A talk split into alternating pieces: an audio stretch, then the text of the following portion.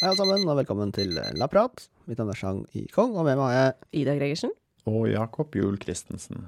Og vi sender fra Institutt for indremedisinsk forskning ved Oslo universitetssykehus, Rikshospitalet. Hei! Hei. Hallo, ja. Dette var tidligere enn uh, planlagt. Ja, så koselig. Ja, for nå eh, møttes vi igjen. Ja. Ikke lenge etter at eh, episoden om eh, ultraprosessert mat eh, har blitt sluppet. Mm. Så er vi i studio igjen. For Jakob, rett etter innspilling av den episoden, så følte du at du ikke hadde fått tømt leveren skikkelig. Som en uh, god forsker så har man alltids mer på hjertet, og det er noen nyanser som må komme fram, og flere poeng som må gjøres. Så ja. Ja, for dette temaet er jo veldig, veldig omdiskutert. Mm. Det er jo eh, mange på sosiale medier som har meninger og synsinger og litt sånn. Mm. Så du følte vel kanskje at uh, vi må nyansere det litt grann bedre enn det vi fikk til i forrige episode? ja. Og eh, det jeg tenkte var kanskje at det var særlig sånn noen poeng, Mm. eh, noen motsetninger, eller ting som ofte diskuteres og debatteres, som det kan være verdt å ha med seg, da. Mm. Ja. Ja, det tenker jeg er veldig bra. At vi, da tar vi det en gang til. For dette blir jo da Men det blir litt annerledes enn eh, Ja. en Mm. de forrige diskusjonene vi har hatt. Ja, for dette blir jo en bonusepisode. Mm. Eh, så Ja. hvis du ikke har hørt eh, den eh, hovedepisoden om ultraprosessert mat, Mm. så start gjerne der. Ja. Og så start gjerne med de andre episodene vi har hatt om eh, de nordiske kostholdsrådene først også. Ja.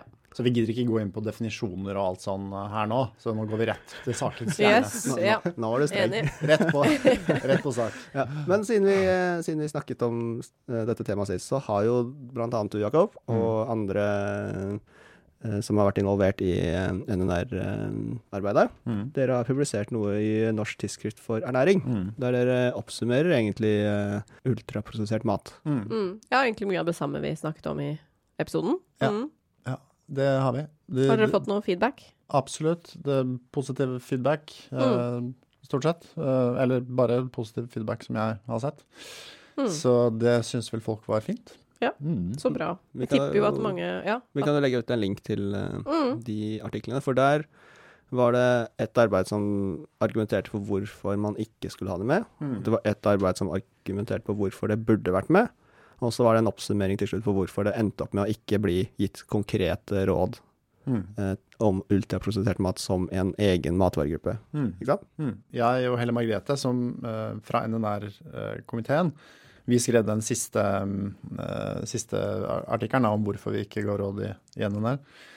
Og eh, vi hadde ikke noe med mm, de to andre å gjøre. Men eh, hele den debatten var jo i og for seg helt, eh, helt grei, den. Og litt sånn i lys av eh, laget på, på mal etter hvordan enkelte av disse vitenskapelige journalene har tilsvarende, tilsvarende typer debatter. Da. Så en ja- eller en for-side og en nei-side. Altså Mm. eller for og imot-sider, og så argumenter lagt fram, og så konklusjonen til slutt. Det tenker jeg er veldig bra. Det trenger vi. Mm. Helt Sånne- greit. Mm. Mm. Ja. Så det er altså da Norsk tidsskrift for ernæring, hvis noen vil lese det. Men vi kan jo legge ut som du sa. Sjang. Mm. Mm. Ja, legge ut en link. Så hva skal vi snakke om i dag da, Jakob? Hva er det du føler vi ikke har vært innom? Jeg tenkte jeg skulle ta fram noen typiske poeng, da, som sagt, eh, som ofte løftes fram når det kommer til ultraprosessert mat. Og det første, den første liksom kampen som ofte står, det, det, det er eh, dette med at vi må se på ultraprosessert mat fra et sånt føre-var-prinsipp for folkehelsa versus, eh, versus, versus et ønske om mer data eller mer evidens da, før Mer vi kan kunnskap. gjøre noe. Mm. Mer kunnskap, rett og slett. Kan jeg komme med et litt apropos før vi, før vi går videre, Jakob? Mm. For uh, i den episoden av ultraprosessert mat, Mm. så snakket vi litt om tilsetningsstoffer. Mm. Og der sa du at uh, nivåene der er gode, men vi monitorerer hele tida. Mm. Eh, det betyr ikke at eh, det ikke er kontrollert i forkant. Det er ikke sånn at folk går rundt og er uh, prøvekaniner. Å Mm. Å ja, nei, nei, nei, nei. Nei, nei, selvfølgelig. Man har jo satt uh, grenseverdier Mm. uh, av disse tilsetningsstoffene basert på tilgjengelig kunnskap. Ikke sant? Ofte fra dyrestudier eller prekliniske humane studier. Mm. Og så ser man at ok, det virker som det er trygt uh, innenfor disse rammene. Mm. Og så legger man inn en sikkerhetsfaktor på kanskje 100 eller 1000. Mm. Og så sier man det er det øvre taket. Ja. Mm. Så gjør man det for enkeltnæringsstoffer, eh, enkelt eh, til.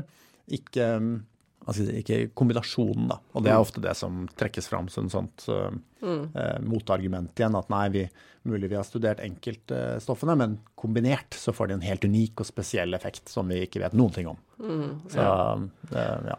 Ja, så det, du, du føler nå at altså, noe av kritikken, eller diskusjonen rundt dette, er at uh, mange tenker at ja, men uh, vi burde jo ikke spise UPF i tilfelle det er farlig. Ja. Ja. Mm. Ja. Så um, for å oppsummere den, da. Ref forrige episode, så vet jo vi, og vi erkjenner jo i komiteen også, at vi har mange observasjonsstudier som viser klare og tydelige sammenhenger mellom inntak av total, totalt inntak av UPF, altså ultraprosessert mat, og helseproblemer. Mm. Eh, alt fra fedme og diabetes til eh, psykisk helse og lungesykdommer osv. Og så har vi i hvert fall én veldig godt kontrollert studie, intervensjon. Um, og så har vi masse oppsummeringsstudier osv. Så, videre. Mm. så mange mener jo da at dette burde holde, ikke sant? Det er masse evidens. Det burde holde for å gi uh, råd ut fra et føre-var-prinsipp for folkehelsa. Men så har du forskere særlig som ber om mer data, da. For å, for å, før vi kan gå ut og gi noen råd om det her. Og det jeg tenker kan være tydelig å få fram da, det er at epidemiologien, observasjonsstudiene vi har så langt, de Det er er når man følger noen over tid og følger med hva, som, hva de spiser, og hva som skjer med dem, da. riktig. Ja. Man gjør ikke noe med dem, men man bare undersøker hva de spiser og hvordan det går med dem. Mm. Epidemiologien er skuffende så langt. Okay. Det er mye eh, konfundering og restkonfundering, som vi kaller det. Eh, F.eks. av energitetthet. Det betyr at det at noen spiser mye total UPF, det kan også bety at de egentlig spiser matvarer med en høy energitetthet. Mye energi. Mange kilokalorier per vektenhet av matvaren. Så man vet ikke om det er pga. prosesseringsgraden, eller om det er fordi man har spist for Usunn mye. mat. Usunn mat. mye mat. Ja. Riktig. riktig. Ja. Så det er et veldig typisk problem som man selvfølgelig må ta høyde for. Og når det ikke gjøres, da har du et problem. Ikke sant? Et annet poeng som er veldig viktig, det er at det stort sett gjøres analyser på total UPF. Ikke undergrupper. Ikke forskjellige matvaregrupper av UPF. Nei, vi var vel Som så vidt innom det i forrige episode òg. Det var vi innom, men det er et så viktig poeng. fordi dersom Jeg, sa, jeg, sa, tror ikke jeg sa i klartekst at dersom man analyserer en rekke usunne matvarer og noen sunne matvarer samlet, så framstår totalen som usunn. Ja. Det er et sånt statistisk prinsipp, eh, og som er noe som virkelig undergraver de analysene som er gjort i de fleste tilfeller. Og som ofte overses hvis du er veldig fan av, eh, fan av konseptet, da. Ja, kan jeg ta en Ja. liten referanse til uh, noe naboen min sa en gang? Selvfølgelig. Gjerne. Gjør det. For det var en diskusjon om hvor eh, eh, Hvis man ledet overflatevann ned til kloakken, Mm. så sa han vel noe som at hvis du blander én liter kloakk med tre liter rent vann, så får du fire liter kloakk. Yes, det er, Det er vel litt samme prinsippet. at Hvis du blander sunne matvarer med usunne i samme statistisk analyse, så kommer det ut usunt. Ja. Ja. Jo, men det er et kjempeviktig prinsipp. Og det, hvis man glemmer det, så ja. Og det er derfor vi hele tiden ber om at vi må ha mer data, men de dataene vi må ha, de må være eh, på undergrupper av ultraprosesserte matvarer, ikke totalen. Det er som regel totalen som rapporteres, da. Mm. Men da kommer vi vel igjen tilbake til hva er det, og definisjoner og dette her, da. At det er litt komplisert. Det er jo komplisert i seg selv, så gitt, at vi, gitt alle de feilkildene som ligger i definisjonen og hvordan å eh, Klassifisere. kart- klassifisere og kartlegge og alt det her, så må vi fremdeles da si totalen er såpass eh, ubrukelig at vi, vi må ha undergrupper. Eh, og et, et poeng med det er at bruken av total UPF kan gi et sånt feilaktig inntrykk av at mindre prosessert mat, uprosessert, minimalt prosessert mat, eh, er kategorisk sunt. Ja, for det er en sånn, sånn gjennomgående misforståelse, føler jeg. At uh, ultraprosessert mat er jo et, et begrep som sier noe om uh, tilstanden til, til maten, men det sier ikke noe om hva maten er. Men så har man en, en sånn greie om at hvis dette er usunt, da må det som ikke er prosessert, eller minst mulig prosessert, må være sunt. Men sånn er det jo ikke. Det er jo ikke en sammenheng mellom prosesseringsgrad og hvor bra det er for deg, det du spiser. Eksakt. Rødt kjøtt, vin, hjemmelagde kaker. Det finnes masse eksempler på ting som kan være veldig uprosessert, men som ikke nødvendigvis er veldig bra for deg. Um, og det er ingen grunn til at slike produkter eller matvarer skal grupperes i én kategori. Og, og ja, det kan lett misbrukes og mistolkes og alt det her. Så det er et poeng som jeg syns er viktig å få fram. Det andre er at eh, vi kjenner ikke mekanismene. vi trenger forskning på om det er undergrupper av total UPF som er viktig. Mm. Eh, Er det det at vi spiser for mye av dem? Hvorfor gjør vi det? Eh, Er det det at de er eh, hy- det som kalles hyper, eh, hyperpalatability, altså de er særlig sånn smakfulle kombinasjoner av fett, sukker og salt? Det vet vi ikke, men må undersøkes. Er det mengden vann i matvarene? Er det teksturen på dem? Er det energitettheten, som sagt? Eller Mm. er det kombinasjoner av alt sammen? Mhm. Eller er UPF et kjempesidespor? Mm. Uh, er det bare et epifenomen som ikke har noen ting med saken å gjøre? Det er også en mulighet. Mm. Um, Bare et begrep, på en måte, som ikke har noen sånn reell betydning i seg selv. Ja. Riktig, Mm. riktig. Ja. Mm. Eh, På en viss, til en viss grad så kan du si at eh, det er en gjenoppdagelse av den klassiske western diet Mm. på mange måter. Ja. Og alle som er kjent med det begrepet, vet jo at men, dette er jo ugunstig på alle Mm. mulige måter. Så, så det er ikke noe nytt eh, sånn sett. Nei, for det er jo da vi ofte i forskningen ja, kaller liksom usunt vestlig kosthold. Ikke sant? Med så Ja. mye metta fett og sukker og hamburgere og brus og ikke sant, de tingene der. Ja, Hvis man mater mus med western diet, så blir de tjukke. Ja. Ikke sant? Mm. Etablerte prinsipper, ikke Ja. noe nytt. Nei. Ja. Em, så det som er kjekt å tenke på da, er at når det kommer til liksom strukturelle tiltak uh, for å håndtere ultraprodusert mat, så kan man si at mange tiltak gjøres allerede. Mm. Men vi kan og vi bør videreutvikle de strukturelle tiltakene for, for bedre eh, kosthold, eh, selv uten NOVA-klassifiseringen og ultraprodusert mat-begrepet. Vi Mm. trenger ikke den for å få til det. Nei. Vi kan designe bedre samfunn uansett. Ja. Um, men um, så liksom disse rådene vi kommer med, det, det er en liten del av pakken. Vi trenger modige, myn- modige myndigheter, sånn som vi ofte, ofte sier her. At myndighetene må tørre å ta politiske virkemidler i bruk, da. Mm. Men mer om det litt eh, etterpå her. For det var liksom punkt én. Mm. Ja, for det er veldig rart at uh, man skal godta et begrep om, som sier noe om prosesseringen av en hvilken som helst matvare, eh, men ikke ha det for de andre prosesseringsgradene. For eksempel at det, det er jo ingen som er i tvil om at det er en forskjell mellom eh, korn og Mel? kjøtt. Ja. Altså Sånn, mel og ja. kjøtt. Ja, ja. Mm. Det, det, det er jo helt udiskutabelt forskjellige ting. Mm.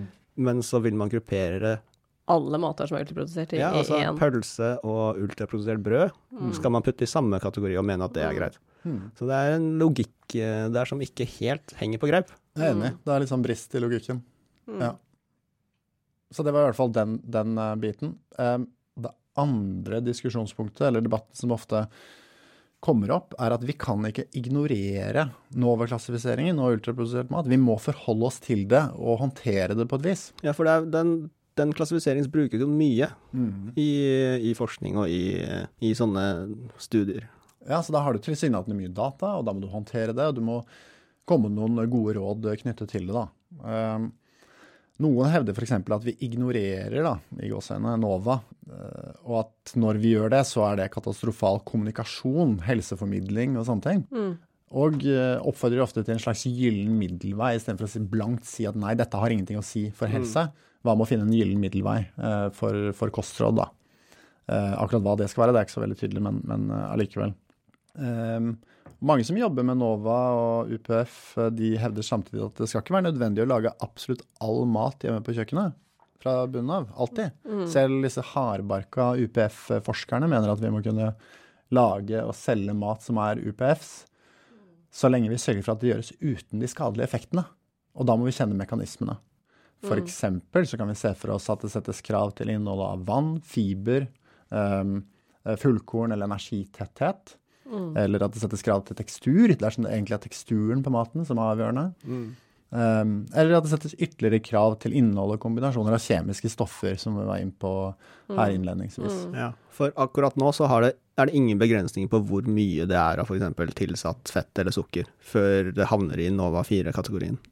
Uh, nei. nei. Så kategorisering av Innholdet av fett og sukker i seg selv uh, vil faktisk bare plassere det i Nova kategori 3. Ja. Fordi det er som regel uh, eh, ting du kan gjøre selv. Da. Tilsette Ja. selv. Ja. Nei, men, da, da, men klassifiseringen sier ingenting om mengden av de forskjellige tilsetningene man, man putter oppi. Nei, nei. Eh, Så ikke meg bekjent i hvert fall. Ikke mengder. Nei, så bitte lite grann, og veldig, veldig mye havner i samme kategori også. Mm. ja. Som også heller ikke nødvendigvis gir så mye mening, da. Nei, det er også vanskelig å analysere liksom, hva er effekten av eh, Karagenan, som vi nevnte Ja. til i forrige episode. Ja. Eh, fordi det blandes kanskje i for, ulike mengder, det blandes med andre ting osv. Mm, typiske andre tilsetningsstoffer som ofte går parallelt med karagenal. Ja. Ikke sant? Ja. Mm. Men jeg tenker det aller viktigste er jo da, altså sånn som du sier, vi trenger jo egentlig mer forskning om mekanismene bak. Men det må jo også da være en klassifisering på plass, kanskje, for å få til det, da. Mm. Um, men igjen, aller viktigst, de stoffene man bruker i matvareproduksjon er nøye testet og Mm. skal ikke Mm. gi noen skadelige effekter. Inkludert dette prinsippet om en sikkerhetsfaktor, ikke sant. Mm. Eh, at uh, der man ser at det er en ugunstig eh, helseeffekt, Mm. eh, tar man og setter som et tak, og så deler man på 100 eller på 1000, og så sier man det er nivået vi legger oss på. Det er Mm. vårt øvre tak. Mm. Ja. Så man lager en sånn sikkerhetsmargin, da. kan man si. Mm. Ja. Og den er ganske stor. Som regel ganske svær. Ja. Ja. Mm. Det kommer litt an på type næringsstoff eller tilsetningsstoff det er snakk om, men uh, si 100 til, til 1000 ganger, da. Ja, Mm. ikke sant. Og i denne sammenhengen, da, når du liksom snakker om å sette krav til, til innholdet av forskjellige ting, eh, så bygger jo det på at vi har mekanistisk data. Vi, vi har kunnskap om hvordan helseeffekten av uh, næringsstoffer og, og, og helse er. Eh, og vi har mange eksempler på hvordan dette har funka, altså suksessfulle sånne reformuleringer av matvarer. Mm. Eh, For eksempel så var det i Danmark en periode, periode man jobbet aktivt for økt inntak av fullkorn. Mm. Mhm. Det er sånn reformulering. Og, I eh, matvarer? I enkelte matvarer. Ja. Eh, Særlig, særlig i brød, brødmat, da, naturligvis. Og det fungerte kjempebra. Økte inntaket av fullkorn i populasjonen. Ja, Eh, Vi har også mange eksempler fra salt- og Ja. transfettreduksjon, som har vært veldig eh, gode. Mm. Mm. Og transfett f.eks. anses per i dag for å være, ikke være et problem lenger. I, ja, for det var mye kjeks og sånne ting. kjeks og uh, margariner, ikke sant. Mm, og det var billig og enkelt og ga gode Ga matvarene de egenskapene de gjerne ville ha da, i enkelte fettrike matvarer. Mm. Um, Men igjen så trengs det jo politiske ut, føringer da, for å definitivt. påvirke Mm, matvareindustrien. definitivt. Ja. Ja. Og vi har også redusert inntak av sukker og metta fett som andre eksempler på suksessfulle reformuleringer. da. Ja. For jeg, apropos det, så eh, har jeg hørt et rykte, jeg lurer på om det var du som eh, fortalte meg det, Jakob. Noe med salt og en eh, kjent frossen pizza, stemmer det?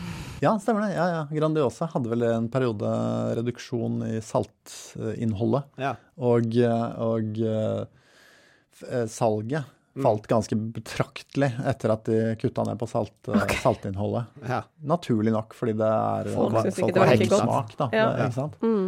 Um, og de fant ut at nei, det går ikke an å kutte saltet så uh, over natta Mm. eh, Mm. som, som de gjorde. Måtte reintrodusere igjen, og så har de gradvis redusert saltinnholdet i, i pizzaen. Ja. Uten effekt på salget. Å ja.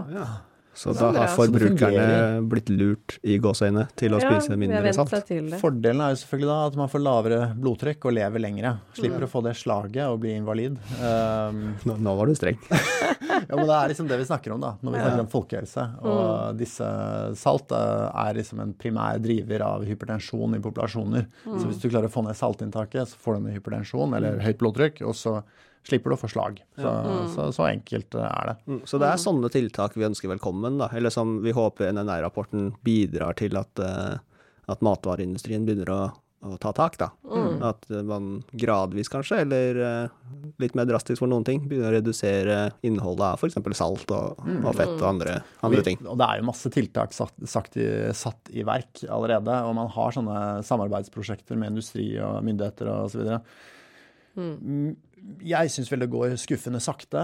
Um, Det kunne gått mye mye raskere, og det kunne vært gjort mye mye mer. Mm. Overlates kanskje i litt stor grad til industrien, Mm. uh, som nok er litt, sitter litt på gjerdet, da, i forhold til å faktisk gjøre ting. Mm. Men, men poenget er at det er masse muligheter. Så Mm. hvis man først har politisk vilje, så tror jeg man får det til. Mm.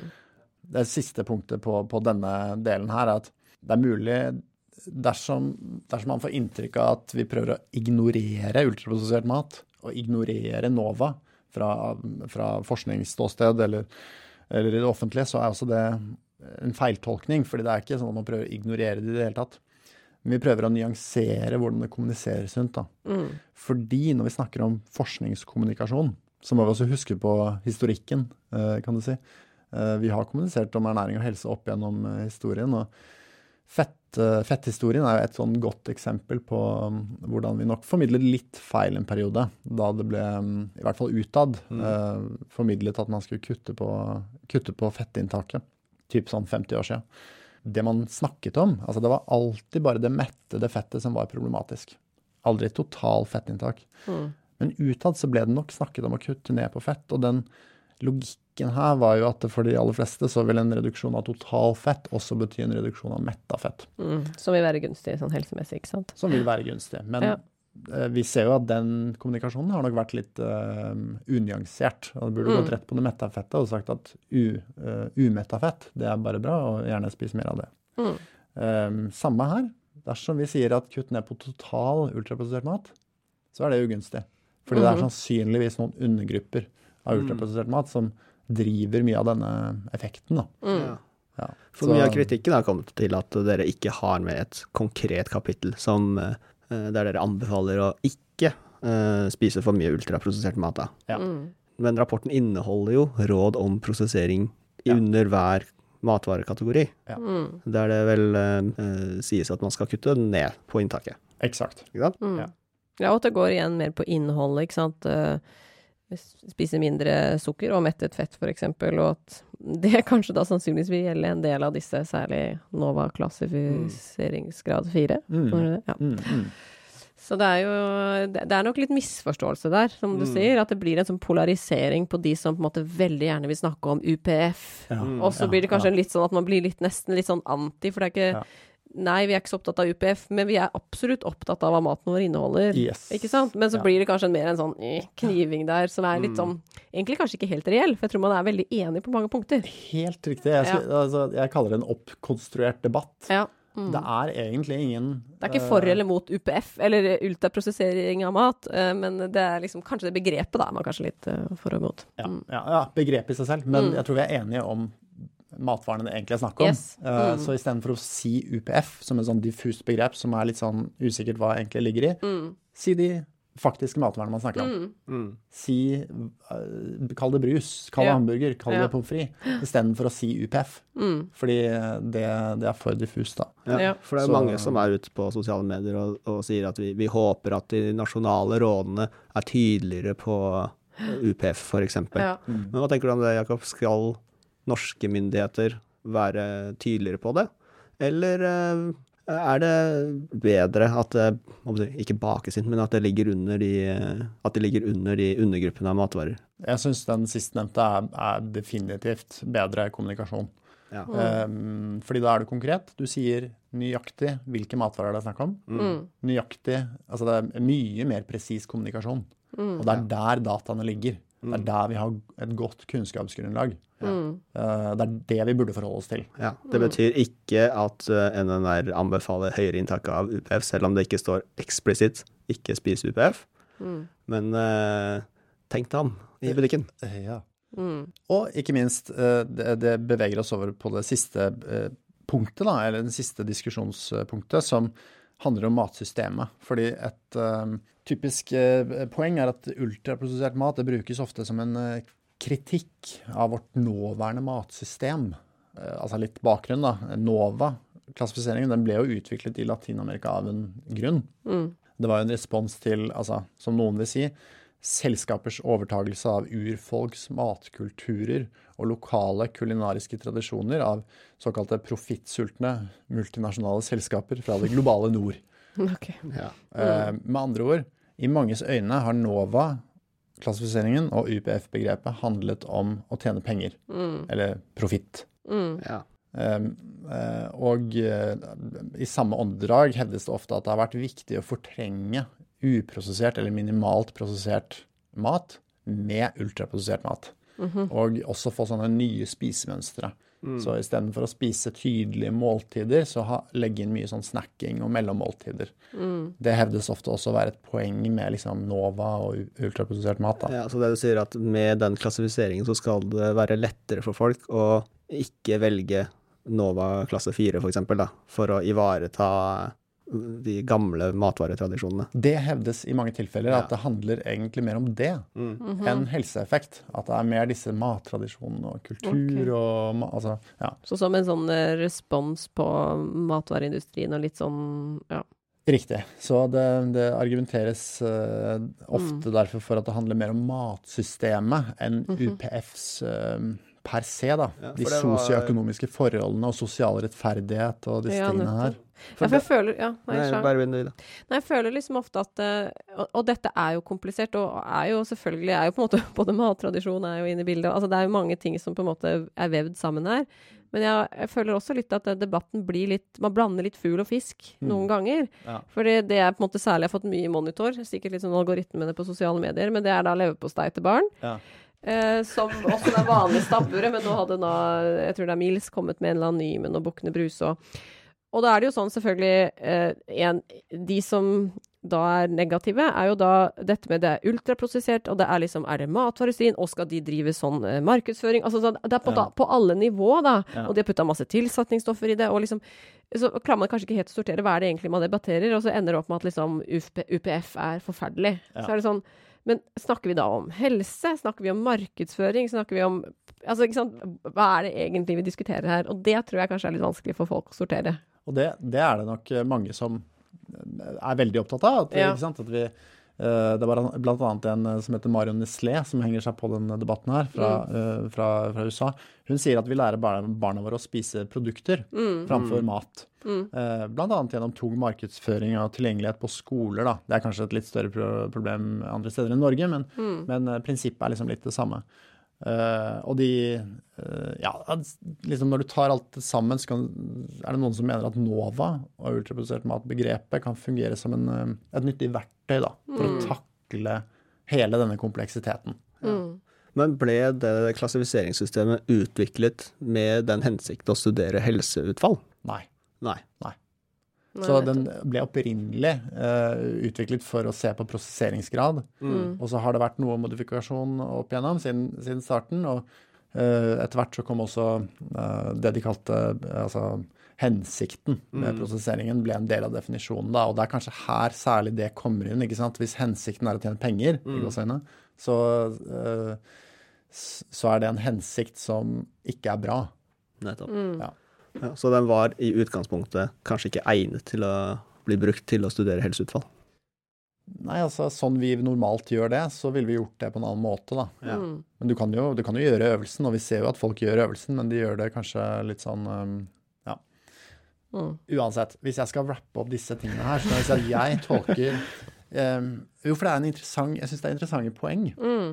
Uh, og det er interessant å få, få med seg at mange Og mange syns nok at myndighetene har gjort altfor lite for å beskytte befolkningen mot Mm. helseproblemer knytta til kosthold.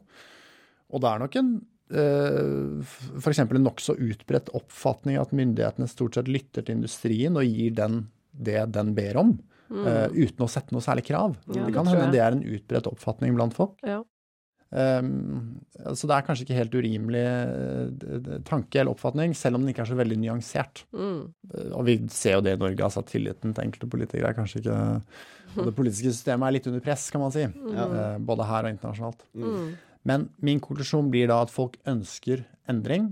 De ønsker bedre matsystemer. De ønsker at myndighetene skal legge mye bedre til rette for sunt kosthold og god helse gjennom hele livet. Mm. Innvendingen min er at man kan gjøre alt dette uten NOVA eller UPF-begrepet. Mm. For eksempel så er det over 20 år siden begrepet toxic food environment ble introdusert, okay. som handler om nettopp disse dette miljøet vi lever i, ikke sant? hva vi er Mm. utsatt for av reklame og tilgjengelighet av matvarer og usunne versus sunne matvarer, og særlig mot barn. da. Mm. Mm. Ja. Så um, ernæringsforskere de stiller seg nok um, um, litt tvilende til om regulering av matindustri og handel vil være så veldig mye mer effektiv bare man snakker om UPF, Mm. uh, og ikke om salt, sukker og mye annet. Og det er litt sånn spørsmålstegn om det er etablert at det er en større politisk vilje til å legge um, avgifter på mat dersom man kaller det UPF, enn Mm. på mat med mye sukker. Mm. Ikke sant? Mm. Så um, Mm. Men apropos eh, politikere, Mm. Så, så, så har jeg en liten, liten ting jeg, må, jeg har lyst til å nevne. Eh, Det handler ikke direkte om UPF, men jeg, jeg syns jo at det, det har jo vært en del politikere som også har vært i media og uttalt seg om de nordiske kostholdsråd. Mm. Og jeg syns det har vært lite kritikk og lite diskusjon rundt hva de har snakket om. Eh, For eksempel, rett etter at eh, rapporten ble sluppet, så sa finansministeren i Norge, Mm. altså nummer to i rang i regjeringen etter statsministeren, Ja. han gikk ut og sa at eh, dette kom han ikke til å følge. Og landbruksministeren, eller daværende landbruksminister, sa også at eh, de kom ikke til å gjøre noe for å imøtekomme da NNR-rapporten. Mm. Og så legger vi oppå det igjen, er det da diverse politikere som står da i eh, rikskringkastet eh, TV-debatt, Mm. og legger fram da, eh, i gåsetegn, alternative fakta. Og alt dette får foregå uten en kritikk i ettertid. Mm. Hvorfor står da folk og kritiserer NRR-rapporten, og ikke disse menneskene her? Mm. Beats me. Nei, Mm. det, jeg vet ikke. Det, Ja, det er helt, uh, det har vært det er helt på trynet. Det har heldigvis vært uh, en del stemmer som også har tatt uh, NNR-arbeidet i forsvar. Og eh, det, det kommer et eh, innlegg i ny og ne, også frem, fremdeles, men, eh, men også når det kokte som mest, som, som på en måte forsvarte valg knyttet til bærekraft og valg knyttet til anbefalinger om kjøtt osv. Mm. Som, som ofte var veldig nyansert og bra. Så jeg føler det har også vært en del fine stemmer, da. Ja. Eh, så vi, vi, vi hører ikke bare på de, de Nei, men, negative stemmene. Nei, men det er, toppolitikere står, Ja. står fram Det er veldig og- spesielt. Og, og det som er litt eh, artig nå, er jo at eh, tidligere landbruksminister er jo nå blitt vår øverste, øverste sjef. Yes. Ja. Så det, Mm. eh, det er jo også en interessant utvikling. Mm. Nei, men jeg er enig, det lover jo ikke sånn kjempebra for hva det er vi si, ønsker at politikerne skal Mm. Den retningen vi ønsker at eh, Mm. det skal gå, da. Eh, For det er jo ikke så mye politisk vilje mm, å spore akkurat nå. Nei, men altså det å, å så tvil om forskningens troverdighet og integritet, Ja. syns jeg er ganske skremmende. Ja, det er en skummel utvikling. Ja. Det var jo, men det var jo noen som eh, gikk ut av, til akkurat det punktet der, så var det Mm. noen som gikk ut og sa ifra ganske tydelig, ganske kjapt, annet rektor på UiO. Så um, Mm. det syns jeg var veldig bra. Mm, for det, det, trengs. det trengs definitivt. Ja. Du må forsvare forskning og uavhengig forskning, og du må forsvare arbeid for å komme fram med kunnskap og produsere kunnskap som vi kan bruke. Mm. Det er jo som regel for å få et bedre samfunn det, Mm. man gjør det. Så det og det, som vi har snakka om, det er jo de som bestilte dette, er jo, Mhm. er jo politikerne, blant, Mm. blant annet fra Norge. Så ja. Men vi trenger jo noen politiske virkemidler, da, så jeg vet ikke om dere vil ha noen eksempler Jo, på veldig gjerne. Veldig gjerne. Nå har vi, vi har sagt veldig mye om um, ja, det, eh, ikke så mye individbasert, mer sånn system, politiske eh, strategier. Så vi kan jo Mm. nevne noen av de, da. Mm. Og det mest åpenbare det er kanskje økonomiske tiltak, eller fiskale tiltak, som det ofte kalles. Det har vært mye debatt rundt sukkeravgift. Eh, Mm. Den kan jo helt fint innføres og brukes mye mer aktivt. Vi har subsidier for frukt og grønt som kan brukes i mye større grad, og, og mange andre tiltak. Poenget er Som gjør det lettere for folk å ta gode valg. Og de Ja. må være økonomisk gunstige. Ja. Du må spare penger, Mm. rett og slett, Ja. på å ta helsemessige, eh, Mm. gode, helsefremmende og bærekraftige valg. Mm. Og hvis du bare designer et system der det er billigere enn å ta de dårlige valgene, så Mm. altså, når det er dyrtid, så blir det veldig tydelig at man, man ser jo faktisk eh, Mm. på, på prislappen på ting når, ja. når det kniper. Så det er det ene. Og så har du um, merkeordninger, da, ikke sant. Vi har jo noe allerede. Vi har jo annet nøkkelhullet i Norge og Norden. Mm. Ja, det har vi jo snakket så vidt om. eh, Jeg har snakket så vidt om det. Jeg tenker nøkkelhullet er sånn um, ting man kan optimalisere mye mer. Ja, for jeg får følelsen av at mange tenker at eh, så lenge det er nøkkelhull, så er det sunt.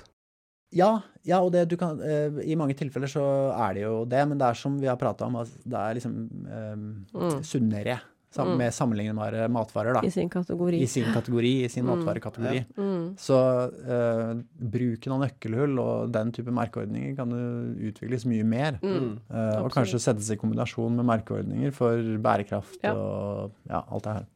Det tror jeg hadde vært veldig fint. ja. Å Også ha det med. regulere, ikke sant. Regulere. Så vi får Mm. en reduksjon av uh, matvarer uten disse ja, nøkkelhullmerkene og sånn. Mm. Eh, ja, også som jeg sa, eh, andre merkeordninger for bærekraft som integrerer eh, CO2-utslipp, påvirkning på biodiversitet, alt Mm. det her som vi vet eh, har noe å si for klima- og miljømessig bærekraft. Den type merkeordning kan også være kjemperelevant å utvikle videre. Og det vil jo også være interessant for uh, industrien, selvfølgelig. Å tilpasse seg, da kanskje lage flere produkter som kommer i disse kategoriene. Og, ja. ja. definitivt. Mm. Um, og som vi har prata om, sette standarden for mat og måltider i offentlige institusjoner. Mm. Uh, barnehager. Ja, apropos barnehager. Det har jo, i hvert fall i Oslo lokalt i hvert fall, så skal de jo kutte ut kjøttservering i, i barnehagen. Mm. Hva tenker du om det, Jakob, når vi først er inne på det? Og her er det jo mye følelser, ikke sant. Fordi mange tenker ja, hva, men eh, hvorfor skal det være sånn, og hvorfor må vi gjøre det her? Og det, jeg, personlig så tenker jeg det er, det er ikke så mange måltider det er snakk om. Men det er, det er, jo viktige måltider for barn. Da. Altså, som, altså jeg som bor i Oslo, og du og Ida. Mm. Vi vet jo at det finnes bydeler i Oslo der det er eh, kanskje vanskeligstilte familier, familier med, som er dysfunksjonelle, der barna kanskje får det ene ordentlige måltidet i uka. Det får man i barnehagen eller på AKS eller, eh, mm. eller sånne steder. Så skal man da starte med å kutte ting hos de små? Burde ikke vi starta på altså vår arbeidsplass, eller på uh, mm hadde vært kjempedeilig, og vi fikk sånn ordentlig god vegetarkantine på vår arbeidsplass. Absolutt. Og jeg er enig i det. Kan gjøre begge deler samtidig. Poenget er jo at du fjerner jo Det er ikke sånn mange, mange, ser, mange ser for seg at du liksom har middagen i barnehagen, ikke sant. Middagen, og så bare uh, ser det vanlig ut, og så bare tar du bort kjøttstykket, og så bare sånn, spis resten. Mm. Men det er jo ikke mm. sånn det fungerer. Du mm. innfører jo nye typer matretter som ikke nødvendigvis mm. har kjøtt i seg. Um, og det må jo bare være bra på alle mulige måter. Men gis det opplæring til de som eh, lager mat i barnehagene? Mm, altså, Det detaljnivået der, det vet jeg jo ikke. Men vi tror mange barnehager de har jo catering, og noen lager noe. og ja. Det er mange norske tradisjonelle retter vi kan servere som ikke er basert ja, på kjøtt. Ja, det tenker jeg jo også den veiledningen har jo, håper, si, håper jeg de har uansett. For mm. det, er har jo også viktig selv om de hadde hatt kjøtt. liksom. Ja. At ikke de bare får kjøtt, men at de får grønnsaker også. Og det handler altså, også om å etablere gode vaner tidlig i livet. Mm. Så det å starte i barnehager og tidlig i livet, det er en um, naturlig arena, mm. uh, tenker jeg. Fordi de vanene tar man som regel med seg videre inn i livet. Og, mm. hvis, og det er den veien vi vil at uh, samfunnet skal gå. Yes. Mindre kjøtt i kostholdet. Jeg, støtter det, altså. Og barna er framtiden, de også. Og du kan gå god for at de får i seg nok næringsstoffer selv om man eh, tar fra dem kjøtt. Definitivt. Man innfører jo da alltid noe annet. ikke sant? Mye belgvekster, som vi har prata om. Det vil jo naturlig komme inn i større grad. Næringsstoffene er det ikke noe problem med i det hele tatt. Mm. Det kommer til å gå helt brillefint. Og så må vi huske på at uh, noen få måltider i barnehagen i løpet av uka gjør ikke at man uh, plutselig har kjøttmangel uh, i kostholdet, for å si det sånn. Fordi frokost og middag spises som regel hjemme de fleste hverdager, og også i helgene. Mm. Så hvis man er bekymret for kjøttbehovet til barna, så kan man jo alltid sørge for at man får det ene kjøttmåltidet på, til søndagsmiddagen, da. Mm. mm. Det er jo en mulighet. Um, men av andre ting altså, som kan gjøres, så er det jo åpenbart også at vi må ha en sterk begrensning eller forbud mot markedsføring av usunn mat og drikke, særlig retta mot barn og unge. Mm. Vi har jo innført eh, Det er jo kommet en ny lov i Norge som trer i kraft, har tredd i kraft, eller trer i kraft mm. hvert øyeblikk, om nettopp det her. Så det blir jo interessant å se hvordan den håndheves, og hvordan uh, usunn mat defineres. Selv tenker jeg at det er logisk at dersom de ikke har nøkkelhull, og dersom de ikke bruker nøkkelhull aktivt, ja, mm da uh, er det ikke lov å uh, drive uh, markedsføring av det.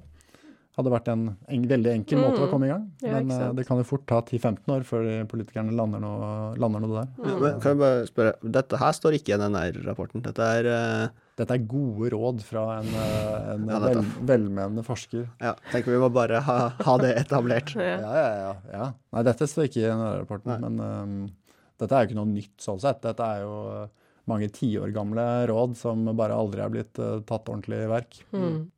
Og så kan du sette krav og gi insentiver for å lage helsefremmende butikk- og serveringsmiljøer, altså butikker, restauranter, kafeer osv. Mm. Um, du kan forbedre kvaliteten i hele matvarekjeden og matsystemet. Uh, du kan gjøre arbeidet med mat helsefremmende og bærekraftig. Uh, det må selvfølgelig involvere alle Eh, Ledd. mange eller alle mm. sektorer i samfunnet, mm. og et bredt internasjonalt samarbeid. ikke sant? Vi har jo global, et globalt system av matproduksjon, så hvis vi gjør det veldig bra, men andre land mm. eh, gjør det dårlig, så monner det ikke så mye. Vi må ha samarbeid på, på, disse punktene her. da. Og Det de fleste kanskje tenker på, er det vi driver med her. da, Informasjonskampanjer i det offentlige. Mm. Det må selvfølgelig være eh, godt fundert, litt sånn som Danmark eh, Ja. har fått til. Med Ja, og der syns jeg Norge må skjerpe seg. Men eh, ja, det syns jeg absolutt. jobbe aktivt med å nå ut til de Ja, som trenger det myndighetene må være flinkere til å være synlige Mm. når det gjelder rett og slett helsefremmende råd. Mm. Uh, er kanskje et av de mest tydelige Altså det er Røykeloven kom jo som sånn eh, evig eksempel på noe som har funka, men det har jo funka også veldig bra. Mm. Men det fikk jo også veldig mye kritikk i starten. Mm. Det var jo, så Og der var det jo, ja. Der var det jo god, eh, ikke bare velmenende råd, men eh, Ja ja, nei da. Det var jo ikke bare synlighet, men det var liksom veldig konkret tiltak, da. Ja. Som, mm, Ikke bare komme ut med populistiske Utsang? meninger. Nei. Jeg skjønner at det har vært valg i år, men eh, Ja. slutt å Det eh, er alltid et valg som lurer forskning. i horisonten, så man må på en måte ha de vanlige dagene òg. Men ja, nei, det er tydeligheten med Sånn som med kostrådene, da. Å liksom vise fram hva er det egentlig vi står for. For jeg tror det er mye forvirring. Hva er myndigheter, hva er det hva er myndighetene sier, hva er det industrien sier? Og litt den derre Kanskje lettere å skape seg sånne ideer om samarbeid mellom myndigheter og industri og sånn, og når man ikke har noen sånn tydelige signaler fra Mm. overhold, da. Mm. Så det tror jeg er kjempeviktig. Mm, ja, Mm. absolutt. Vi har, vi har jo prøvd i mange år å informere folk. Mm. vi ser at det holder ikke eh, Nei. i seg selv. Men Nei. solide informasjonskampanjer kan allikevel ha en betydelig effekt. Da. Så det må på en måte bare målrettes. Mm. Ja da, det er Akkurat som, akkurat som eh, i motsatsen, altså i klinisk setting, da, kan man eh, informere enda grundigere. Altså hvis vi har med oss de som møter pasienter, de som møter folk som har ernæringsutfordringer, Mm. og informerer at de har god informasjon, og klarer å formidle dem på en god måte, Ja. så har du et mye bedre verktøy enn dersom du kun gjør det i det offentlige. Du må ha med deg sykepleiere, leger, kliniske ernæringsfysiologer, fysioterapeuter, andre som møter folk, og som gir råd om kosthold. De må, de må vite hva det er som gjelder. De må bruke kunnskap og eh, kunnskapsbaserte råd. Da. Mm. Og så må selvfølgelig utdanningen styrkes. ikke sant? All utdanning om ernæring, helse og bærekraft gjennom hele den offentlige skolen, og også i voksenlivet. Mm. Både på kunnskapssida og på ferdighetssida. Så um, det er noen konkrete sånne strategier da, som går på ernæring. Men vi kan også eh, gjøre det enda litt bredere, fordi sosioøkonomiske forhold trekkes jo ofte fram her. Mm. Det er jo helt avgjørende. Også for tid og mulighet til å lage mat. Altså Vi kan gi så gode råd vi bare vil, men hvis det er store forskjell mellom rik og fattig, eh, eller tid tilgjengelig i løpet av en dag, så vil det ha kjempepåvirkning på hvordan eh, kosthold folk spiser. Og dette er strukturelle forhold i samfunnet ikke sant? som tar lang tid å forbedre. Og det er politikk og virkemidler som, eh, som spenner over alle sektorer, egentlig, akkurat som eh, klima, klima Mm. også gjør. Ja. Um, sosial utjevning blir jo da helt avgjørende. Så folk må få hjelp til å få kunne ta gode valg, da. Så vi må designe gode samfunn for folk. eh, samfunn som er helsefremmende og bærekraftige. En bra siste Det er en bra avsluttende setning, syns jeg. Oh yes. Oh yes. Yes, har du da Føler du da at vi har eh, dekket det vi skal? Da, har vi, da tror jeg vi har dekka UPF og NOVA ganske bra. Eh, med de, disse, disse punktene de, de viser jo også, syns jeg viser at um, det kan være litt vanskelig å diskutere iblant. Ja. Fordi uh, hvis man stiller kritiske spørsmål til de som er veldig opptatt av at vi må gi råd om uh, ultraprosessert mat, Mm. så uh, kan de bare flytte på De kan bare skifte fokus til et annet sted. Mm. Fordi det er så mange ting som potensielt kan Ja. diskuteres eller, eller eh, argumenteres med. Da. Så hvis du påpeker at det, er, det gir ikke biologisk mening, Mm. eller det mangler mekanismer, så kan du bare trekke fram at nei, men det handler egentlig om et føre-var-prinsipp. Mm. Eller at UPF egentlig er et opprør mot industrien. Mm. Og når det endrer seg, ettersom hva du øh, kritiserer, Mm. da blir det veldig vanskelig å Å føre en god debatt, ja. Ja, Ja, det mm. blir veldig vanskelig å føre en eh, god debatt. Ja. Så, men da har vi i hvert fall belyst eh, det. Ganske godt, syns jeg. Ja. Det er bra. Men hvis uh, våre lyttere har eh, ytterligere spørsmål, Ida, Ja. så kan de jo fortsatt eh, spørre oss. Absolutt. Send på e-post eller Instagram eller Facebook. Og link eh, finner dere i episodebeskrivelsen. Mm. Så det var denne bonusepisoden. Den neste ordinære kommer allerede neste uke. Mhm. Så følg oss da. Og så får vi stikk på labben. Det skal vi. Mm. Ha det bra. Ha det. Ha det.